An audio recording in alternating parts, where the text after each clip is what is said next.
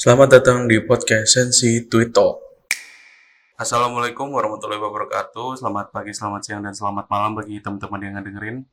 Kali ini gue apa ya cukup cukup seneng lah karena bisa akhirnya bisa hadir salah satu orang yang bisa dibilang sebagai salah satu panutan gue dalam agama.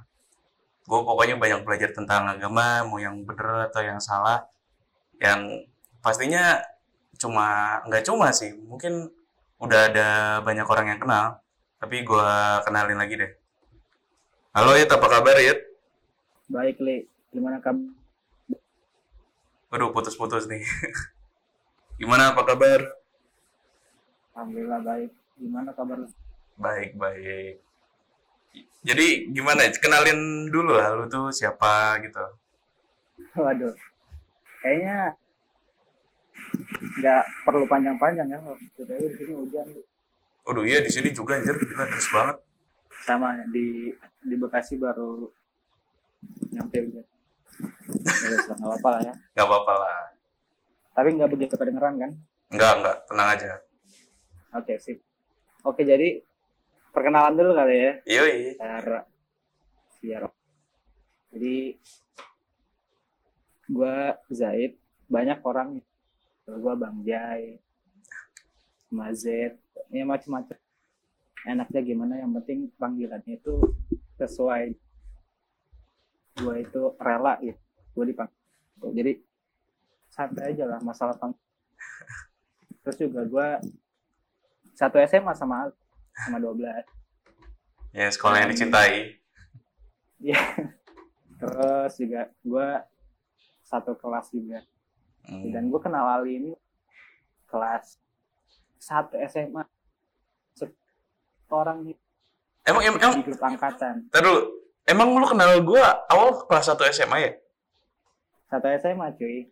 Mungkin lu nggak kenal gue, tapi gue kenal lu. Karena lu sering muncul di grup angkatan kan. Wah ini Ali nih. Siap. Sering ngomong lah. Muncul di grup. Ah masa? kayak Emang gua sering Iya. muncul di grup? Iya. Terus juga apa ya? Gua eh, ngelihat lu itu salah satunya dari situ.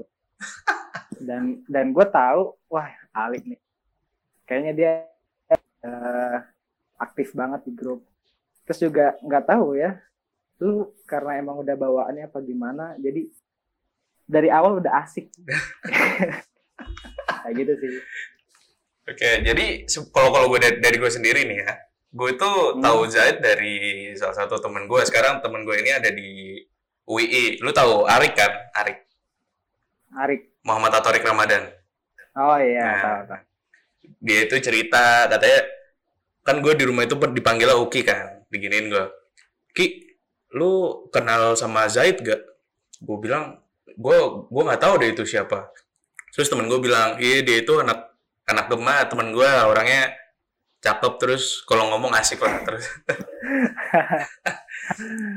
terus oh ya udah ntar ntar gue cari-cari deh gitu. Terus eh ketemu malah kelas kita kelas 11 ya kalau nggak salah ya. Iya, iya. Kita BTW juga apa? si si Torik itu juga ini kan apa namanya sempat daftar di 12 juga. Ah iya dia sempet daftar di 12 terus pas akhir-akhir itu dia kan dia kan dulu kan waktu awal SMA itu kan boleh daftar dua dua atau tiga SMA gitu kan. Ah iya. Yang pertama Tahu juga sih sebenarnya. Kayaknya pokoknya yang pertama itu dia itu ngambil yang di Jakarta gue lupa nama sekolahnya apa. Terus yang kedua di 12 dia ngikut gue karena katanya pengen nyoba aja. sekedar nyoba ya. Sekedar nyoba dia emang sialan itu orang. Terus akhirnya ya dia ngambilnya yang di Jakarta soalnya sama temen rumah gue yang lain. oh, banyak. Oke, kita langsung mulai aja kali ya gitu. Boleh, silakan. Kali ini- apa apa nih? Jadi kali ini kita tuh pengen diskusi. Jadi kita sebenarnya gue sih yang pengen nanya banyak. Jadi kita Hmm. pengen berbincang-bincang tentang Sunni dan Syiah. Mungkin lu bisa ngasih pendahulunya dulu kayak Sunni itu apa, Syiah itu apa? Oke. Tapi sebelum gua mulai, Ya. buat teman-teman semua yang denger ini, gue harap sih nggak memikirkan kalau gue itu paling paham ini enggak Iya, iya ini ini ini soalnya kita sama-sama masih di bawah lah levelnya gitu loh. Kita cuma Iya. ngomong ngobrol asik aja yang kita tahu gitu. Gue ngasih tahu apa yang gue tahu dan lu juga ngasih tahu apa yang lu tahu Kita ah. saling sharing-sharing aja di situ. Ngobrol santai lah. Oke jadi untuk masalah Sunda sebenarnya udah lama Li. mm, permasalahannya udah lama. Udah beberapa tahun yang lalu. Dan sempet gue per- di dekat rumah itu ngebahas tentang Syiah ini. Mm. full tuh dari dari pagi kalau nggak salah itu eventnya pas bulan Ramadan Mm. dari pagi sampai buka puasa bareng dan itu full ngebahas tentang Syiah ada banyak perbedaan sih antara Syiah dan Sunni Bentar, bentar, bentar, kalau bentar. eh, ya Itu dari pagi sampai mau buka hmm, ngebahas Sunni dan Syiah doang gitu. ngebahas ya mulai Wih. banget Hmm. sampai mendalam banget pokoknya. Hmm, menarik, kan ada istirahat istirahat. Ya terus gue lanjut nih. Ya. Sunni oh, Sunni.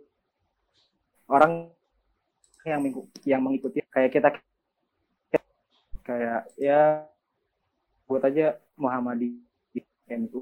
Mhm. sebagainya. Itu termasuk orang-orang Sunni. Tapi kalau Syiah pendapat. Ada yang oh, hmm.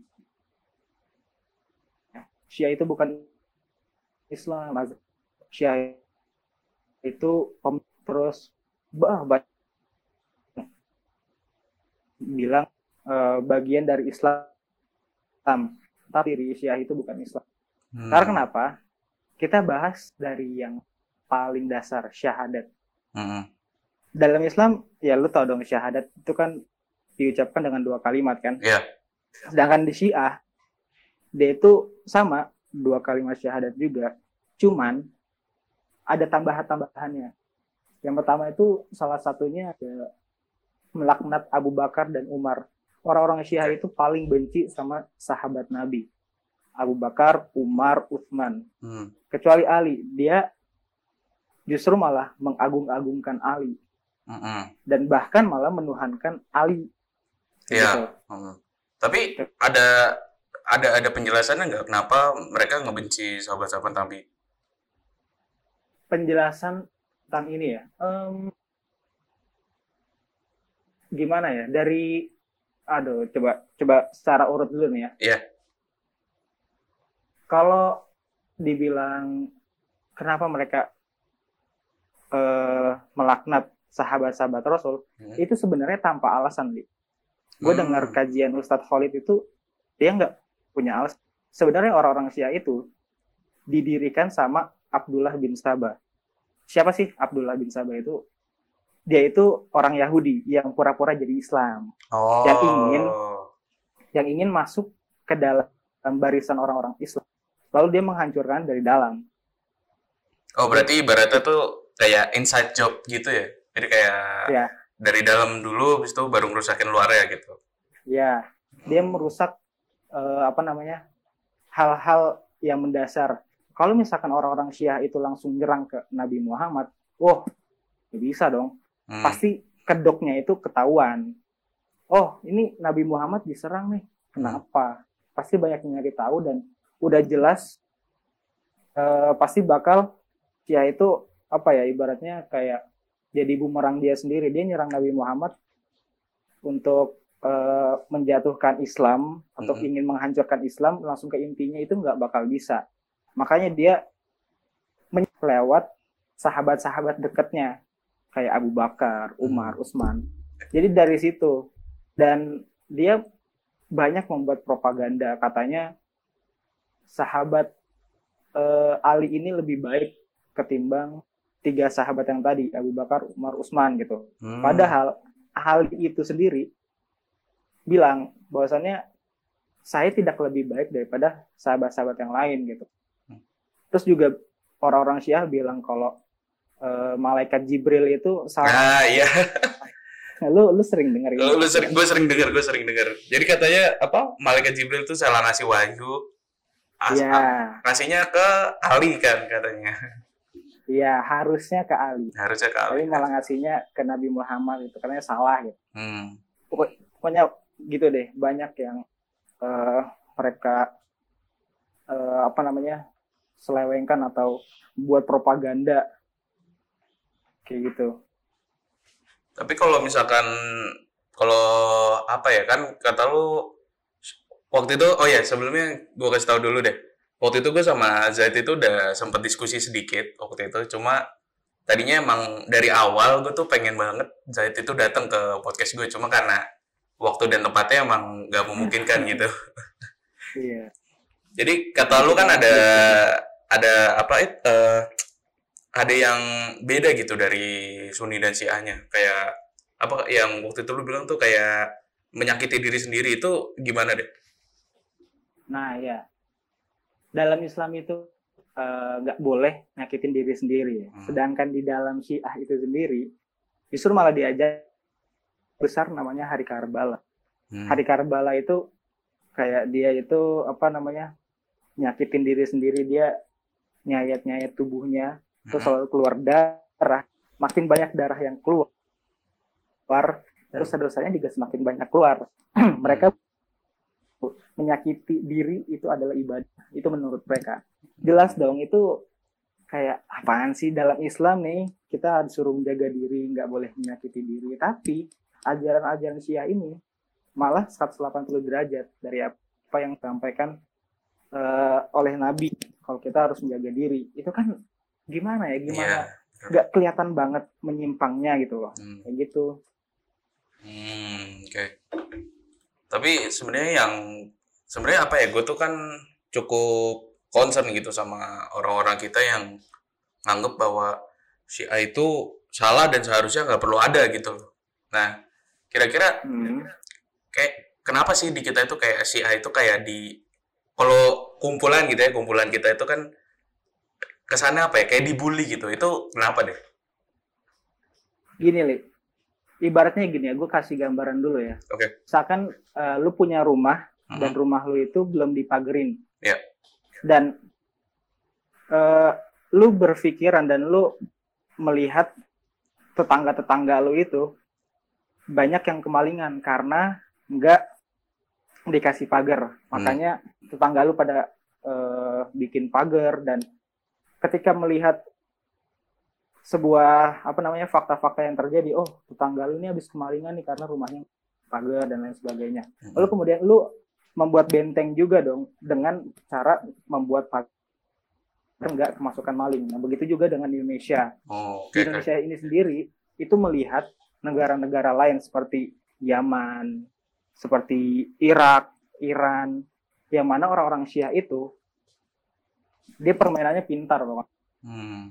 mulai masuk-masuk ke eh, apa namanya pemerintahan dan ibaratnya kayak apa ya me- menyebar isu-isu kalau Islam Sunni ya Islam yang benar ini adalah teroris Hmm. dan Islam yang benar itu Islamnya mereka Syiah itu katanya gitu terus pemerintahnya itu nggak sadar kalau yang dikelabui sama orang-orang Syiah ini Hmm. Kira- pemerintah percaya lalu kemudian orang-orang Syiah itu masuk dan ketika orang-orang Syiah itu udah mulai masuk pemerintahan dan menguasai siap-siap aja. Orang-orang yang di luar Syiah itu darahnya halal. Hmm. boleh dibunuh. Dan justru malah membunuh itu ibadah menurut mereka. Coy siapa sih Islam bagian mana Islam mana yang mengajarkan untuk membunuh? Hmm. ada. Nggak ada. Dalam perang aja itu ada batasan-batasannya. Kita perang nggak boleh nyiksa. Kita Hmm. nggak boleh ngebunuh wanita nggak bo- boleh bunuh anak-anak rumah ibadah sendiri itu nggak boleh diserang. dia diserang nggak boleh dihancurkan kalau diganti sama masjid itu boleh gitu nggak nggak boleh anarkis lah gitu lalu kemudian tiba-tiba datang nih eh Islam Syiah tapi boleh ngebunuh lah sih gitu Hmm. itu kan udah Ya udah udah udah udah melenceng banget ya. Itu sesat gitu loh. Ngomongin tadi yang lu lu soalnya tadi nyinggung tentang perang kan. Kalau ngomongin perang gue jadi inget tentang salah satu kisah sahabat Nabi yang ngomong eh sorry bukan yang ngomong. Yang gue gue lupa siapa sahabatnya tapi yang gue inget itu gini. Jadi dia itu pengen di apa pengen pengen menggal sorry gue lupa pokoknya dia pengen ngebunuh si yang lawan perangnya ini. Hmm. terus tiba-tiba si lawan perangnya ini tuh ngeludahin dia terus akhirnya nggak ngebunuh. Itu siapa sih? Gue lupa tuh Ah, gue juga pernah denger nih. Ceritanya gue pernah, gue lupa. Eh, gimana ya? Kalau nggak salah ya. Hmm. Jadi ada waktu itu ada tawanan perang lah. Mm-mm. Terus dia, eh gue lupa nih, gue bener-bener lupa gimana ceritanya. Yang jelas, eh, apa namanya? Dibuat kesel. ah iya Salah satu salah satu sahabatnya itu dibuat kesel dengan si tawanannya ini ngeludah gitu. Mm-mm. Nah, ketika ngeludah, kan pasti kesel dong. Udah tawanan, terus kurang ajar gitu loh. Gimana nggak kesel dan gimana kita nggak pengen ngebunuh dia gitu kan. Tapi nggak boleh, nggak boleh dibunuh. Eh, nggak boleh dibunuh karena takutnya kita ngebunuh itu karena hawa nafsu. Karena kita kesel gitu loh. Berawal dari marahnya kita karena diludahin. Bukan karena hal-hal yang eh, apa namanya yang Islam itu apa ya pokoknya nggak boleh ngebunuh. Waktu itu gimana sih? Gue agak sedikit lupa yang jelas nggak boleh ngebunuh karena eh, takutnya itu berawal dari hawa nafsu. Karena diludahin dan kita marah gitu. Kayak gitu sih. Berarti Sorry, sebenarnya kalau ngebunuh ngebunuh tapi kayak kesannya lu apa ya? Ya itu lagi tadi yang dibilang kayak lu ngeludahin gitu-gitu sebenarnya nggak boleh. Bahkan se sedetail itu loh Islam nggak boleh ngebunuh karena itu hmm. Eh, ada juga salah satu kisah Ya. eh, Muhammad Al-Fatih ya. Setelah menaklukkan Konstantinopel, banyak orang-orang yang berlindung di salah satu tempat dan pemimpinnya itu Muhammad Al-Fatih datengin dan dia bilang pemimpinnya kalau mereka bebas untuk beragama di negeri yang sudah ditaklukkan hmm. kota yang sudah ditaklukkan sama Muhammad Al-Fatih itu. Itu kan gimana nggak tersentuh orang iya dengan benar benar benar kebijakan-kebijakan atau ajaran-ajaran Islam itu. Makanya Hmm. Islam itu menyebar menyebar itu karena eh, dianggap Islam itu baik, Islam itu damai gitu. Jadi kita menyebar menyebarkan Islam itu dengan cara-cara yang damai, bukan cara-cara yang anarkis membunuh, membakar rumah ibadah, tempat-tempat ibadah dihancurkan.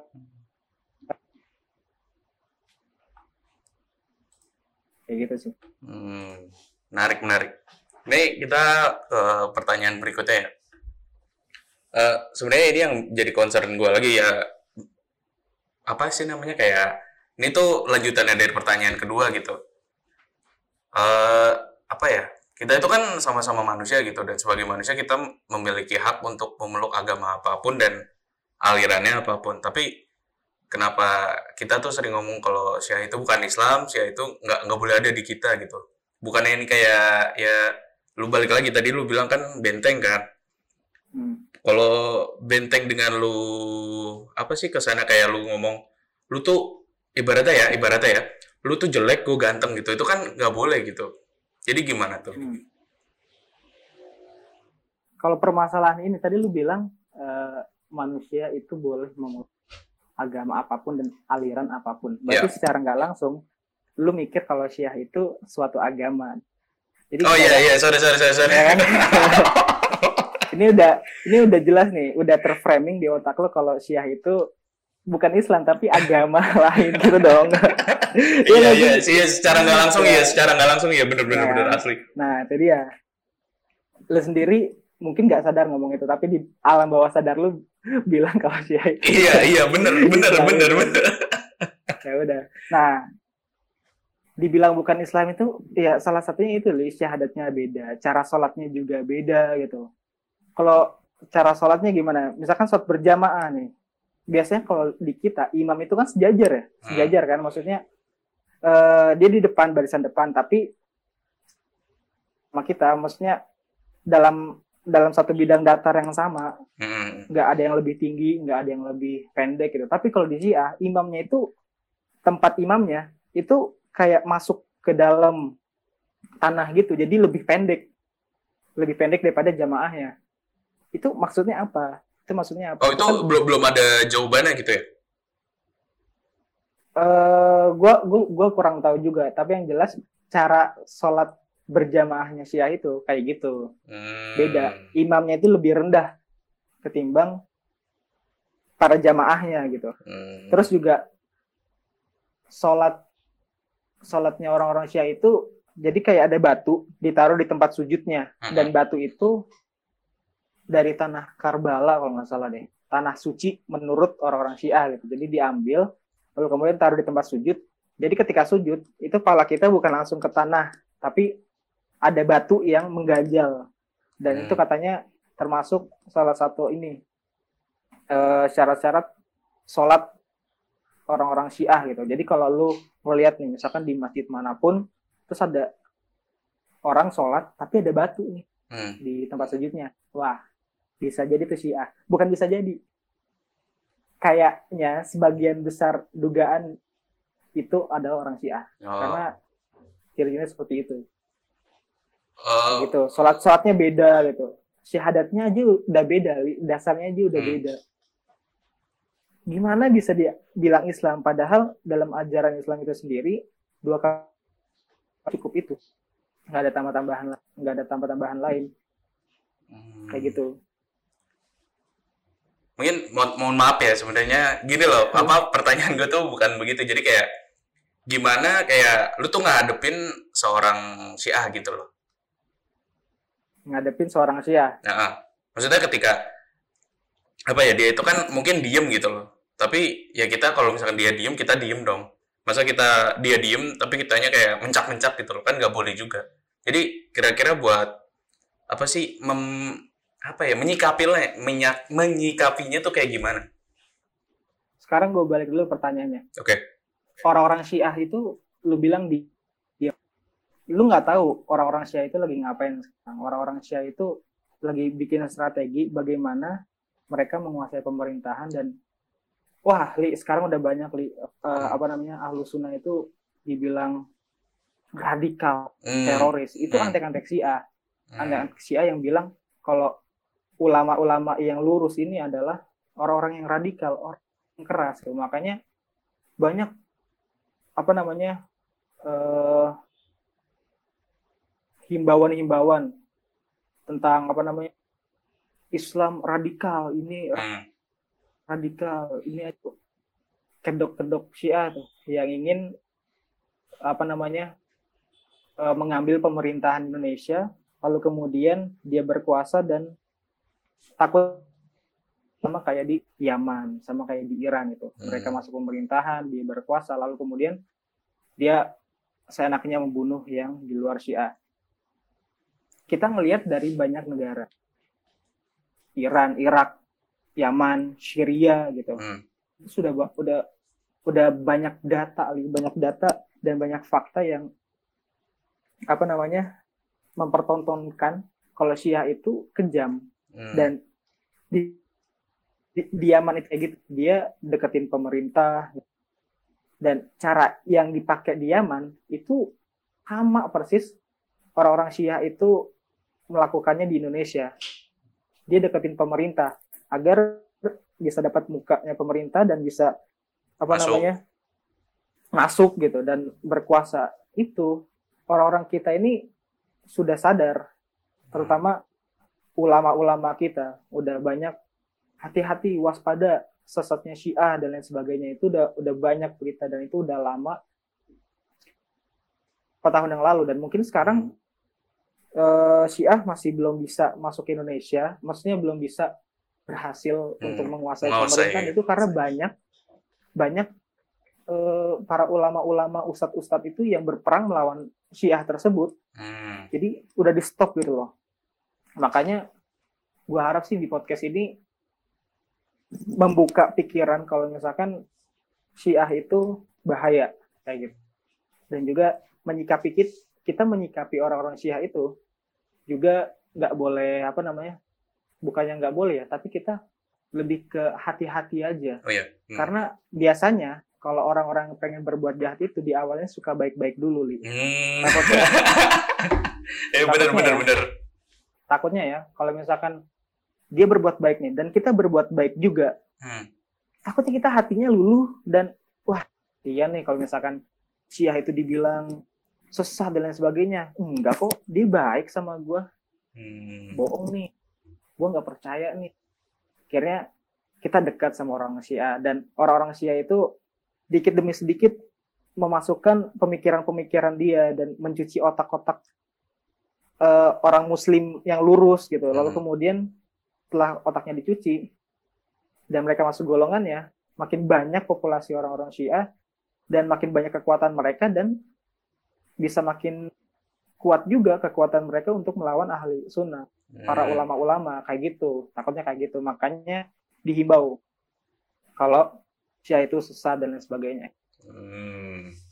Oh, berarti kayak ibaratnya kita tuh lebih kayak menjaga diri ya? Atau I- bagaimana? iya benar kayak analogi yang sudah gue Iya yang tadi lu bilang awal. benteng. iya Hmm. yang pagar rumah itu soalnya kita udah banyak melihat di banyak negara Li. Syiah itu emang kayak begitu Jadi emang kayaknya nggak nggak boleh gitulah ya di kita itu.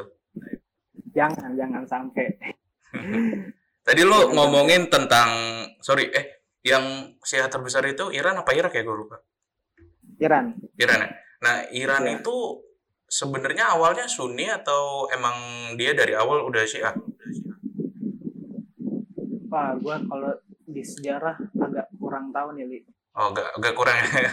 ya agak kurang tapi setahu gua ini setahu gua ya nggak tahu ya benar apa enggaknya tapi setahu gua Syiah itu muncul di Iran. Oh. jadi di Iran terus nyebar ke Irak terus nyebar ke Yaman Syria. Sekarang Syria ini juga lagi berperang kan antara Iya. antara kelompok Sunni dan Syiah gitu. Sudah berapa banyak eh, Basar Asad itu membunuh warga sendiri warganya sendiri dibunuh karena berbeda aliran. Lu Sunni dibunuh gitu bahkan mungkin lu pernah lihat video ini apa namanya kecil Hmm. yang dia itu lagi merogoh merogoh tanah dan setelah disamperin seseorang dia Hmm. sambil orang itu sambil ngerekam terus sama anak anak-anak itu kamu lagi ngapain di sini saya lagi ngumpulin eh, apa namanya serpihan bukan serpihan jadi kayak roti yang udah apa namanya Kecil-kecil gitu Oh kecil. Hmm. ya, roti yang udah kecil-kecil gitu yang ibaratnya kayak apa ya? Ah, kita kita kasih tahu ini aja lah ya bahasa serpihan-serpihan roti Hmm. dikumpulin di tanah itu buat makan mereka. Karena saking kejamnya pemerintah terhadap orang-orang nah, jadi mereka itu sangat menderita. Bahkan makan aja susah. Dia dia udah udah nggak makan beberapa hari. Saking laparnya dia nga- ngambil apa namanya serpihan-serpihan ro- roti gitu kan Hmm. dikumpulin terus dia makan gitu bahkan ada yang makan rumput bayangin cuy Hmm. seorang pemimpin negara terus ya seperti itu hanya karena berbeda eh, Aliran. berbeda ya pemahaman berbeda aliran gitu itu kan masalah yang besar kalau misalkan orang-orang Syiah itu mikir ah udahlah lu Islam eh, Sunni gue Islam Syiah udah nggak usah dipermasalahin gitu lah gimana kita nggak mempermasalahkan kalau misalkan ada contoh yang eh, apa namanya contoh besar antara Syiah dan Sunni tersebut Hmm. sampai ada kejadian seperti tadi itu Hmm. sejahat itu mereka Hmm. Ya moga aja itu konflik-konflik yang di Syria cepat kelar lah ya. semoga Nah, Amin. amin amin Nah ini pertanyaan yang tadi lu bilang kan eh, kalau Syiah itu kan katanya imamnya itu harus turun ke tanah atau gimana sih tadi? Iya maksudnya kayak dia lebih lebih apa namanya di bawah gitu. Oh iya Maksudnya lebih di bawah. posisi posisinya itu lebih rendah ketimbang para jamaahnya gitu. Hmm. Nah ini mungkin ke gimana sih cara ngebedainnya kalau Syiah dan Sunni itu kayak ada di mananya gitu. Kalau misalkan kan kalau misalkan kadang-kadang kan Sunni itu bisa aja eh sorry Syiah itu kan bisa masuk ke Sunni gitu. Ibaratnya kayak orang Syiah ini eh, masjidnya sama kayak orang yang Sunni, tapi bisa kelihatan bedanya tuh dari mana gitu. eh ada ya, gue gue pernah dapat info ada masjid besar, Hmm. tapi masjid itu masjidnya Syiah dan kayaknya ya, Hmm. seingat gue masjid itu terbesar di Asia Tenggara, masjid Syiah terbesar di Asia Tenggara dan Hmm. itu ada di Indonesia. Hmm. Gue pernah ngelewatin tuh, gue pernah ngelewatin masjid itu dan wah masjidnya lumayan gede juga kayak kayak apa ya? Kurang lebih kayak Al Barkah lah. Hmm. Masjid Al Barkah gitu. Itu gede masjidnya tapi itu khusus orang-orang Syiah. Gue belum pernah masuk sih. Gue belum pernah masuk. Tapi yang jelas orang-orang Syiah itu nggak sholat Jumat. Oh. Gue baca baca di salah satu artikel Mhm. ini 15 ciri-ciri pengikut aliran Syiah gitu. Oke oke. Bo- Boleh lah dibacain itu- lah. Nih yang pertama ya, Hmm. orang-orang Syiah itu mengen- meng- eh, dia pakai songkok hitam yang punya berbentuk bentuknya itu beda kayak songkok kita kan kita kan kayak yang dipakai presiden itu kan songkok nasional gitu ya ah. bukan bukan kayak gitu pokoknya dia pakai songkok hitam tapi bentuknya beda mungkin yang di yang di lingkar-lingkarin gitu lu pernah ngeliat gak sih Oh yang kayak karet gitu, yang melar gitu. ya pokoknya gitu gue gue susah ngebayangin deh maksudnya ngasih taunya eh, bingung gitu Oh, Oke oke. pokoknya dia pakai songkok hitam terus dia nggak sholat jumat Hmm.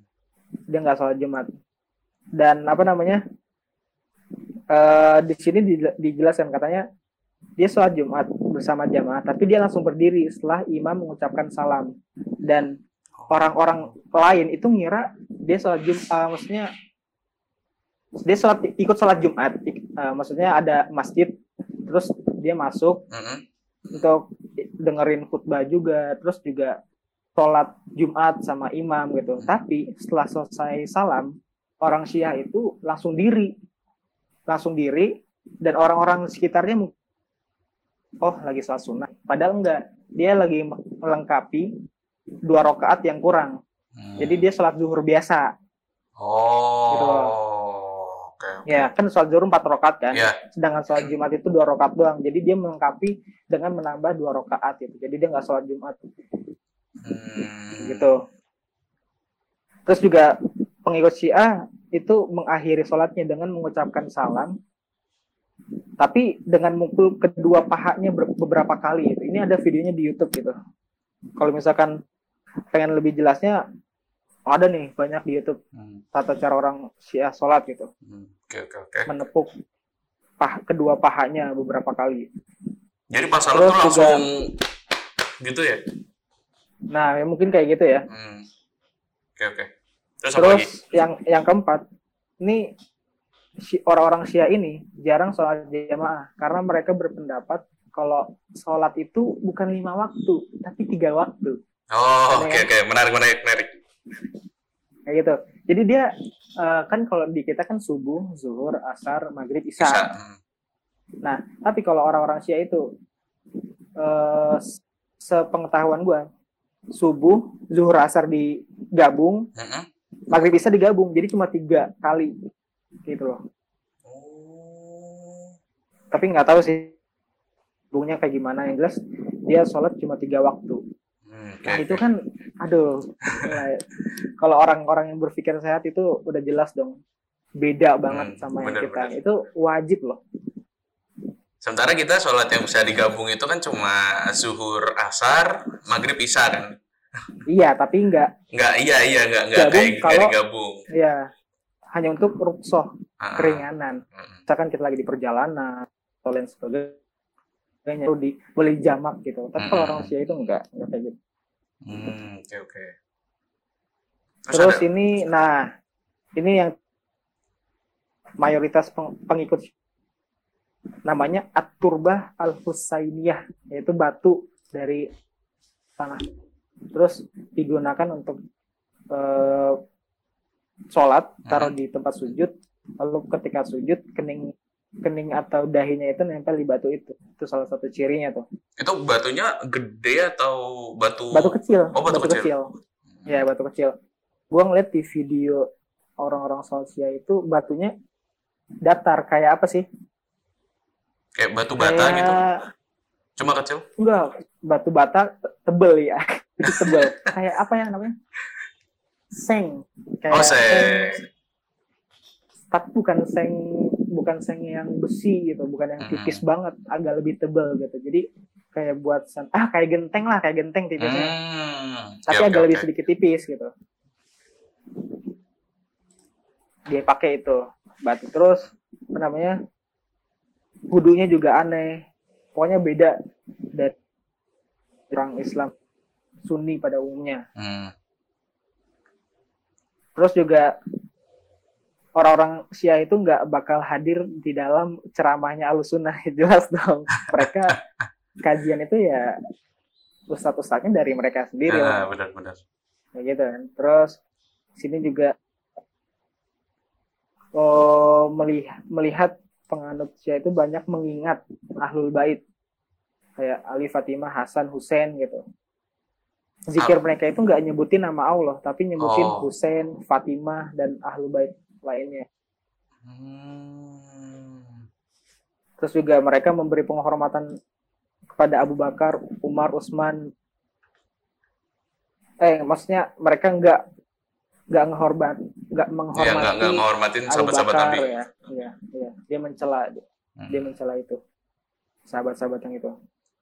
Hmm. Terus ketika bulan Ramadan dan dia berpuasa, kan kalau kita setelah azan maghrib Hmm. disegerakan untuk berbuka puasa ya. Iya. Kalau orang-orang Syiah itu nggak nggak langsung buka puasa dan mereka itu nunggu bener-bener malam, bener-bener malam. Entah ya, gue waktunya juga kurang tahu. Tapi kayaknya sih Isa gitu. Hmm. Itu kan apa namanya eh, nggak boleh. Kalau di kita ini Iya. menyegerakan, Menyegerakan menyegerakan berbuka. berbuka setelah buka kayak Iya. minum itu sholat nggak masalah Nah itu dia. Yang penting buka dulu. Ah, yang penting buka dulu. Orang Asia ini nggak kayak gitu. Sok kuat dia. Hmm. mungkin satu lagi kali It. satu kali aja Apa-apa? Sa- satu kali lagi gitu loh maksudnya apa apa lagi gitu yang bedain gitu Nah, terus eh di sini secara singkat itu dia nggak megang Al-Quran, dia Hmm. nggak megang Al-Quran yang kita punya di rumah-rumah orang-orang Sunni pada umumnya, tapi dia ada bentuk apa namanya kamuflase yang Al-Quran dia punya yang menurut dia benar gitu. Mhm. Dia dia pegangnya itu, bukan Al-Quran yang kita 30 juz. oh Tapi mereka ber, dia mereka tuh ber- beranggapan kalau itu Al-Quran seharus 49 juz. Al-Quran Al-Quran kita ini kurang katanya. Hmm. Padahal Allah itu sendiri Allah itu sendiri bilang kalau udah udah lengkap gitu dan Allah itu menjaga tiap huruf di Al-Quran dari zaman dulu iya sampai zaman sekarang Al-Quran itu nggak pernah berubah gitu kan. Hmm. Kalau ada orang yang ingin mencoba Al-Quran, wah sekarang udah banyak penghafal Al-Quran dong. Jadi Hmm. ketahuan lah dan itu benar-benar terjaga Al-Quran itu. Dan orang-orang Syiah bilang kalau Al-Quran itu kurang. ini Lu ini siapa? aneh gitu loh. Iya, lu lu Islam gitu. Tapi lu malah 180 derajat Hmm. sama apa yang Allah omongin gitu. Hmm, kitab sucinya kok beda gitu loh Itu dia. Aneh kan? bener Gitu, bener gitu. bener nih pertanyaan terakhir nih Ed, sebelum menutup apa diskusi kita hari ini Ed. Jadi lu kan tadi kan gua gua kasih apa sih kayak sebuah artikel kan tadi. hmm. Katanya si A si A yang kayak gitu tuh bukan si A yang bener. Jadi sebenarnya si A yang bener tuh kayak gimana? Apa emang sama kayak kita atau emang seperti Islam pada umumnya gitu? si Ah yang bener. Gua nggak akan bilang si Ah itu yang mana dan gua bilangin diri gua sendiri ya. Hmm. Kalau semua Syiah itu sesat. Hmm. Mungkin meskipun ada yang Syiah yang nggak ekstrim syiah yang Iya, iya. maksudnya syiah yang nggak mengkafirkan sahabat gitu tapi kalau menurut gue ya sesuci suci sesucinya orang-orang syiah itu pasti mereka dekat sama syiah yang lain kayak contohnya syiah zaidiyah Hmm, syiah zaidiyah itu syiah yang nggak nggak ekstrim lah Iya. dia dia nggak mengkafirkan sahabat dan dan lain sebagainya tapi kalau menurut tetap aja yang namanya Syiah itu pasti bakal apa namanya dekat-dekat juga sama Syiah Rofidoh yang ekstrim gitu Hmm, Oke, oke. jadi secara nggak langsung dia juga apa namanya Terpapar sama Eh, gitu ya. Terbawa ya terbawa Ya, terbawa, sorry maksud gue. Syiah-Syiah yang ekstrim itu begitu makanya gue nggak nggak bisa bilang ya yang benar yang nggak ada yang benar gitu Oke, oke. Eh, even hmm, even di Indonesia sendiri ya bilang kalau Syiah di Indonesia ini Syiah yang nggak ngapa-ngapain, Syiah yang nggak ekstrim gitu. Wah itu bohong. Syiah di Indonesia ini kebanyakan itu datang dari Syiah-Syiah Iran, Syiah Rafidah yang ekstrim gitu. hmm, Nah itu dia yang mencoba untuk masuk ya eh, yang tadi mengambil kepemerintahan dan menguasai gitu. Hmm, oke. Jadi udahlah itu aja pertanyaannya buat lu. Ya, Jadi ya ini lumayan diskusinya buat didengerin sama orang-orang lain yang mungkin belum tahu gitu loh Syah itu kayak gimana. Jadi terima kasih banget It udah nyempetin waktunya. selalu selalu santai. Sebenarnya gue gue jujur aja gue udah lama banget pengen ngajak lu. Cuma gue tuh bingung ngomongnya kayak gimana soalnya kayak ngajak lu itu kayak bener-bener gue tuh harus naikin tangga yang lebih tinggi gitu loh. Masnya naikin yang tanggal lebih tinggi itu gimana dah? Jadi kayak ah gimana ya kesannya ntar dikira kenapa-napa lagi. Jadi kayak lu itu kan kayak orang yang emang gua ya gitu lah. Jadi kayak lu jadi panutan gue lah gitu loh. jadi gua harus Aduh. naikin level gue dulu dikit-dikit dikit-dikit baru bisa ngajak lu gitu. Jadi tadinya gue mikirnya begitu. Enggak sih, enggak, enggak usah sampai segitunya, santai aja. Kayak diskusi biasa aja lah. Lu kan juga pasti punya pendapat. Ya udah nanya-nanya santai. iya bener sih. Lo aja nggak usah. Ih, gue gimana ya kalau diajak panutan, gue ngelihat diri gue sendiri tuh nggak sebaik apa yang dipikirkan orang asli. Asli, asli. Semua semua orang itu berpikirnya begitu juga kok sama dirinya sendiri. Gue juga mikirnya juga kayak gitu. Makanya aduh, Oke lah, terima kasih buat Zait yang udah dateng. Apa lu lu Iya. mau promosin ini lu nggak apa sosial media lu atau apa? promosin sosial media ya. Iya, Eh, iya. Ya. Pokoknya cari aja di Instagram deh apa namanya following. Ketiknya nama Zaid gitu di followingnya Ali atau di followersnya Ali gitu. Karena gue juga pengikutnya Ali Sidki ya bukan bukan Ali bin Abi Thalib. Gitu dalam dalam IG pokoknya cari aja lah gitu gampang. Kayak gitu sih. Oke lah. lagi aja Apa Ya lagi? gitu pokoknya. Gua gua paling on itu ya di IG doang sih paling Hmm, hmm, kalau untuk WhatsApp lain itu ya itu untuk privacy lah buat grup kelas buat ya bukan untuk umum. Iyalah kalau kalau nomor HP mah jangan. ya Ya udah makasih itu udah dateng, makasih juga udah nyempetin waktunya. oke Ya, santuy. Sama-sama Li thank you juga udah diskusi pada hari ini. Yoi. dan sekali lagi ya. Apa? eh, apa namanya gue masih banyak belajar dan jangan beranggapan kalau gue ini Udah jago gitu ya. tahu Hmm. iya jangan kayak gitu please gue juga tadi kan banyak yang gak gue tahu kayak Hmm. sejarahnya dan lain sebagainya gitu gue cuma ngasih tahu apa yang gue tahu dan apa yang pernah gue ikutin gitu ya gue share sedikit ke lu li gitu Hmm. kayak gitu aja sih pokoknya biasa-biasa aja nggak Iya, jadi Gimana jangan gimana? jangan nganggep kalau Zaid itu udah kelasnya udah kelas kiai ya, jangan gitu lah. Aduh. Belum, dia belum. Bentar lagi, bentar lagi. bentar lagi ya enggak gitu nih aduh aduh jangan jangan jangan biasa aja biasa Ya udah makasih ya, itu udah dateng. oke thank you Wassalamualaikum warahmatullahi wabarakatuh. Waalaikumsalam warahmatullahi wabarakatuh